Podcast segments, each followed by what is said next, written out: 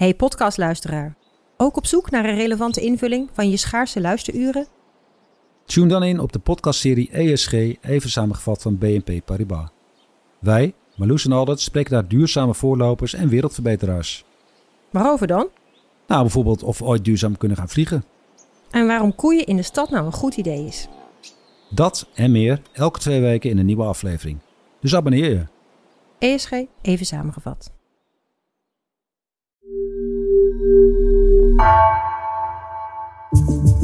Vanaf de redactie van NRC het verhaal van vandaag.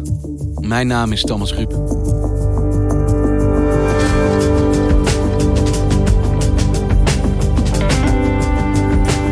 Werken bij Uber is voor veel mensen in de techwereld het hoogst haalbare. Het verdient goed, je betaalt geen inkomstenbelasting en ja, je krijgt gratis taxiritten. Maar door de pandemie veranderde alles. Het Amerikaanse Uber ging saneren. Razendsnel en keihard. Ook in Amsterdam. En daarbij ontdekte tech-redacteur Stijn Bronswaar... werden de Nederlandse ontslagregels omzeild.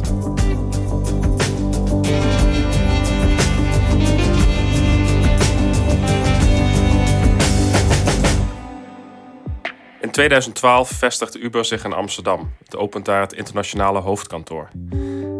Uh, je krijgt er elke dag gratis ontbijt, gratis lunch. Uber betaalt je zorgverzekering.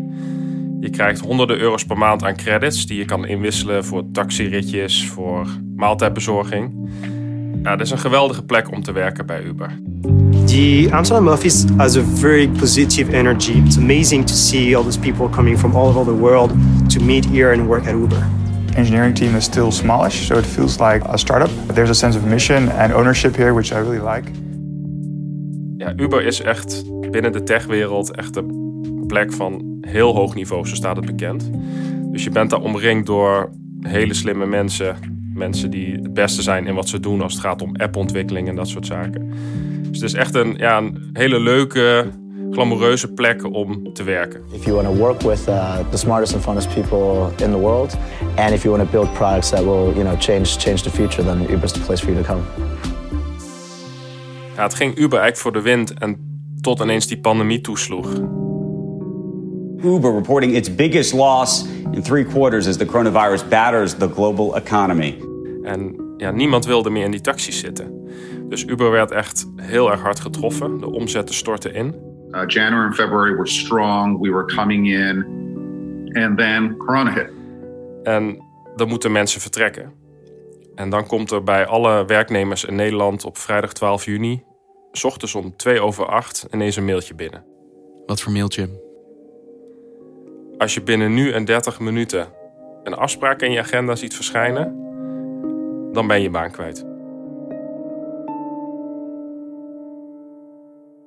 Ik ken Uber natuurlijk. Ik ken het als taxi-app, ik ken het als voedselbezorgservice, als nou ja, wereldwijde techbelofte.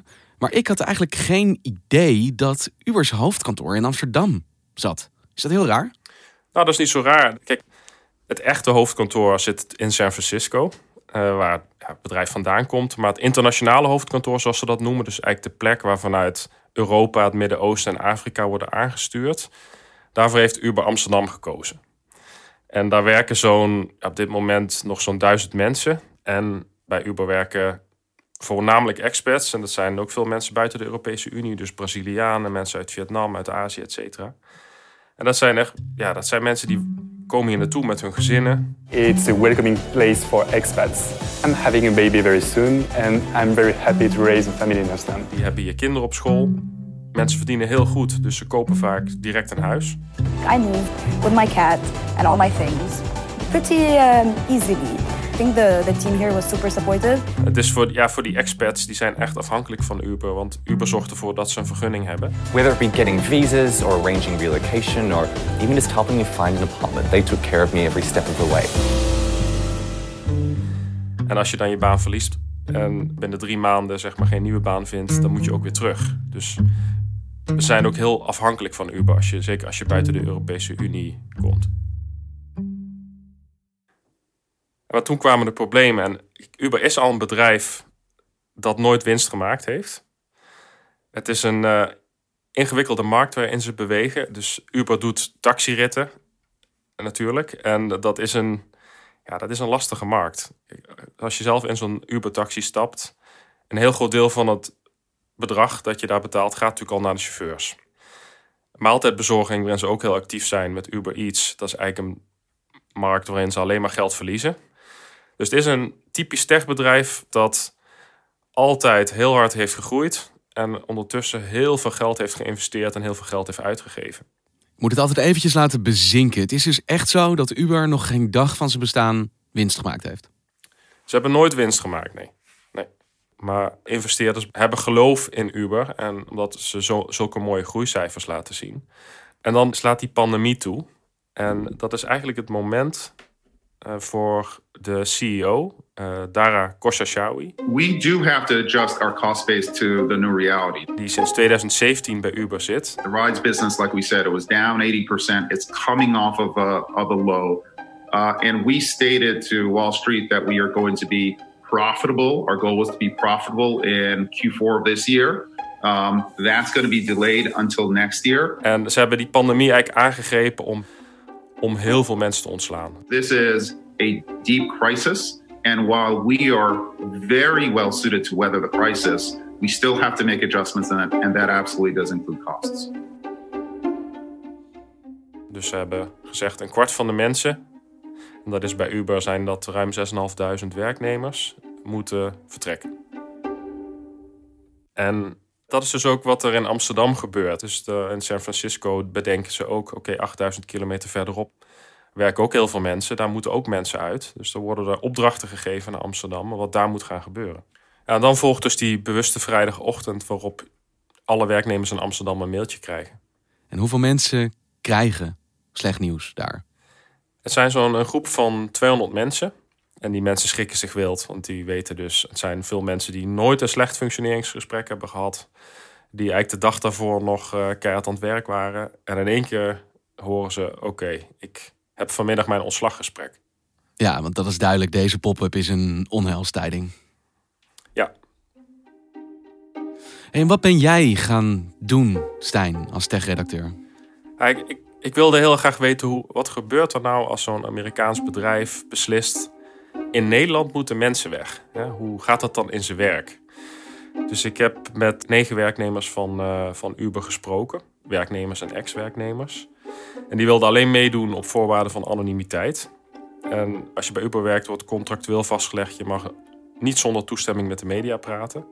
Maar er waren twee werknemers die zeiden: ik, we willen wel naar buiten met ons verhaal. Hey, thanks for, for uh, talking to me. I've, I've, read all the documents. Dus ik, ik heb die gesprekken ook opgenomen. Uh, have you decided already if, if I could, uh, if this interview could be on the record? En die zeiden toch op het laatste moment: nee, je mag uh, mij toch niet noemen. Dus ik kan die audio-opnames ook niet gebruiken. Een van hen is een softwareontwikkelaar. En ik heb zijn verhaal eigenlijk helemaal geprobeerd te reconstrueren hoe dat precies ging. Dus hij was een van de mensen die op gesprek moest komen. Moet je voorstellen, een gesprek via Zoom. Het duurde 10 minuten en het was eenrichtingsverkeer. Dus hij sprak daar met twee mensen die hij nooit eerder had gezien of gesproken. En die lazen een script voor. Zijn gesprek is niet opgenomen, maar er is wel een ander gesprek uitgelekt van een groep werknemers in Amerika die werd ontslagen van de klantenservice. Dat is overal op YouTube te vinden. Ja, en daar, daar hoor je wel duidelijk hoe dat gaat. Your role is impacted. And today will be your last working day with Uber. I know that this is incredibly hard to hear. Waarin je wordt, eigenlijk wordt medegedeeld dat je na al de tijd die je bij Uber hebt gewerkt, dat je moet vertrekken. You will also get this information in your follow-up email. Thank you again, thank you for your contributions to Uber. Thank you everyone. And we're closing this call now. En een uitleg over een separation agreement, dus een scheidingsovereenkomst. Dus dat is eigenlijk een overeenkomst waarvan Uber hoopt dat je tekent, dat je zelf vrijwillig beslist om te vertrekken. En als hij dat zou doen, deze softwareontwikkelaar, dan zou hij in zijn geval krijgt hij vijf maandsalarissen mee. En nog allerlei extra's. Dus Uber nou, deelt hem eigenlijk mee, je moet weg. Teken dit contract en dan krijg je een heel genereus pakket. En dan laten we het daar verder bij. En hij krijgt dan na afloop krijgt hij ook een mailtje. En daar staat dan in: nou, mocht je toch besluiten om de overeenkomst niet te ondertekenen, is dat jouw keuze. Houd er echter rekening mee dat je rol ophoudt te bestaan in de nieuwe organisatie. Ja, dus de, de teneur is: je kan nu tekenen en dan krijg je al deze ja, tegemoetkomingen. Of blijf misschien met lege handen achter. Ja. Hij twijfelt natuurlijk. Uh, hij weet even niet wat hij moet doen. En een dag later merkt hij meteen, hij is van alle systemen afgesloten. Dus hij kan het systeem niet meer in van Uber. Hij kan alleen nog maar e-mail gebruiken en hij kan nog kantoorchatprogramma kan hij nog gebruiken. Maar hij kan niet meer de systemen in en hij mag op dat moment niet werken. Hij is met garden leave, zoals ze dat noemen. Dus nou, hij krijgt wel salaris, maar hij mag niet werken. En elke dag vanaf dat moment krijgt hij herinneringen van Uber. Dus van, vergeet je het contract niet te tekenen, wil je het contract tekenen. Hij krijgt te horen van uh, een juridisch kantoor dat de visa regelt voor Uber. Dat zij zijn geïnformeerd dat zijn visum wordt beëindigd. Dus hij hoort eigenlijk dus al van, oh mijn visum is beëindigd. Dus het is eigenlijk al rond, hij heeft nog niet getekend. Dus hij voelt zich heel erg op dat moment heel erg onder druk gezet. En veel zijn experts buiten de EU die hebben geen idee wat hun rechten zijn weten niet ook precies dat er zoiets bestaat als, als een vakbond en een ondernemingsraad en dat soort dingen. En wat doet jouw softwareontwikkelaar?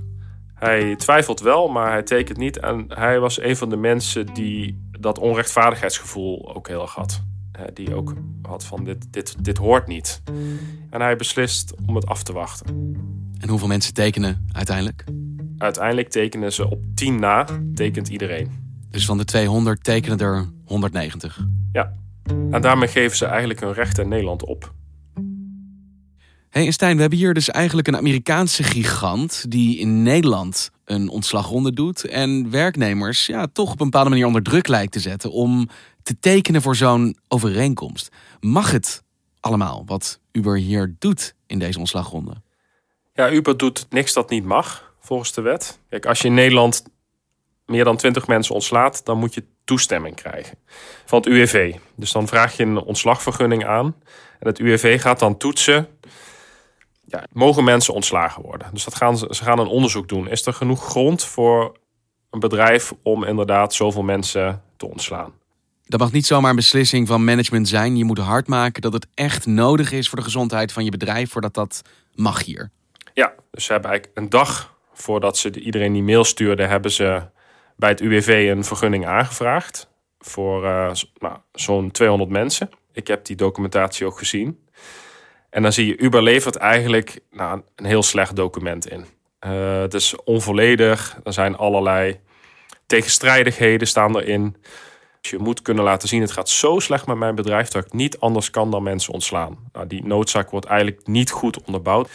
Dus het UWV reageert daar weer op en stuurt een bericht terug naar Uber met 25 aanvullende vragen.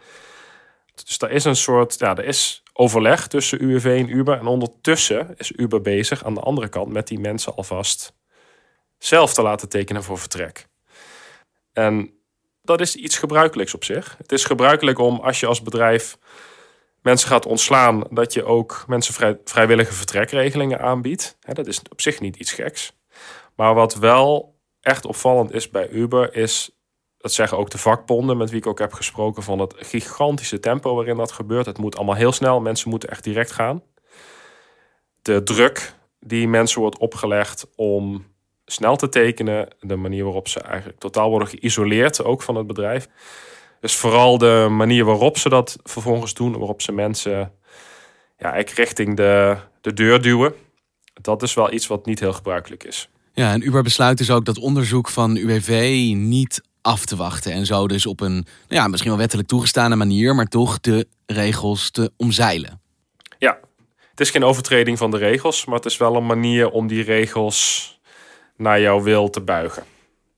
En dat is, dat kan je ook wel stellen, ook wel typerend voor het bedrijf. Als je kijkt naar hoe Uber bijvoorbeeld met die taxis aan de slag is gegaan. Er zijn heel veel steden geweest die daar heel veel moeite mee hadden. Dat Uber daar in één keer kwam en ze hadden niet de juiste vergunningen. Maar Uber is toch een bedrijf dat de tactiek heeft, we gaan het gewoon doen. En dan kijken we wel of de toestemming er komt. En intussen is het UWV dus bezig met een onderzoek om te kijken of het wettelijk mag al deze mensen ontslaan. Hoe loopt dat af? Het duurt allereerst heel erg lang. Het duurt vijf maanden. UWV is, uh, is heel druk nu. Dus ze krijgen uiteindelijk na vijf maanden, eind vorige week, te horen... het ontslag is niet rechtmatig. Uber krijgt geen toestemming om deze mensen te ontslaan. Want de financiële noodzaak is niet duidelijk gemaakt. Dus de economische noodzaak is niet duidelijk gemaakt. Uber blijkt nog ja, genoeg geld in kas te hebben om helemaal geen mensen te hoeven ontslaan.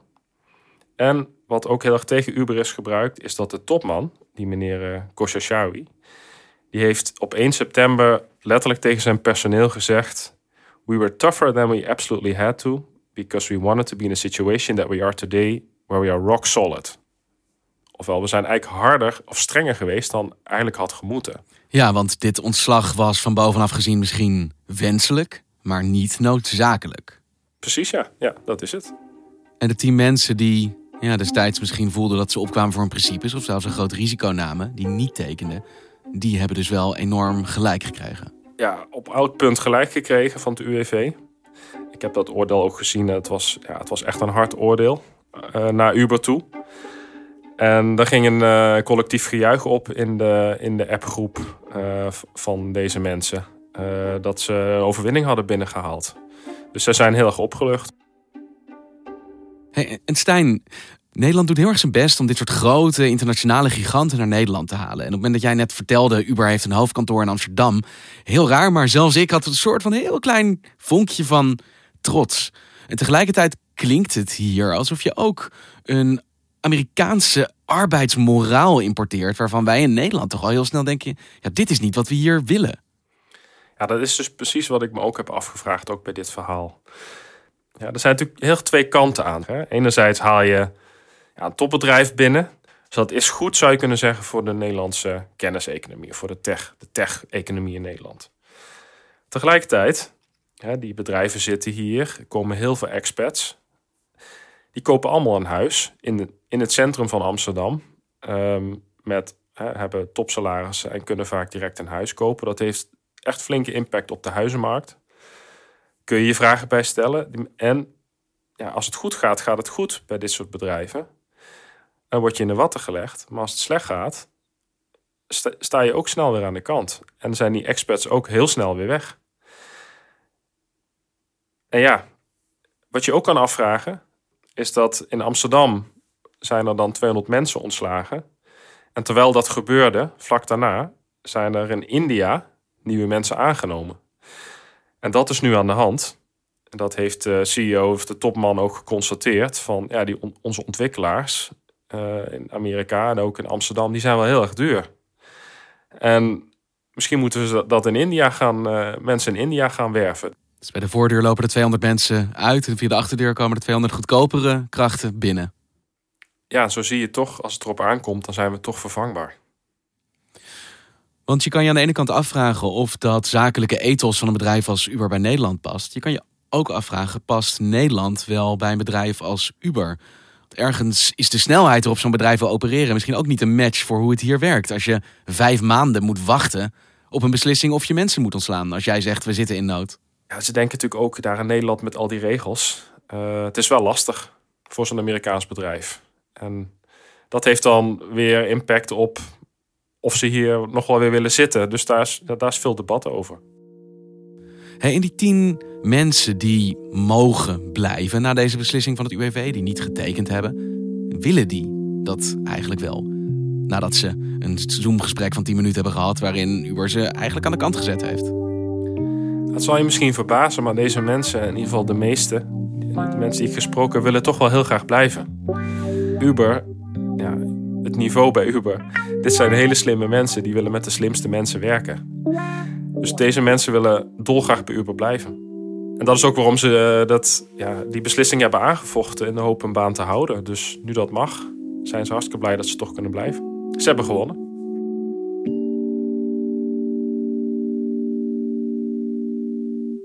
Dankjewel, Stijn. Alsjeblieft.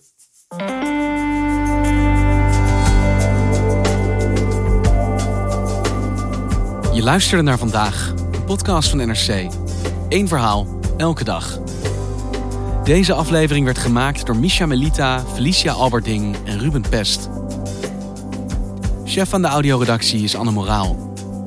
De muziek die je hoort is van Rufus van Baardwijk. Dit was vandaag, maandag weer.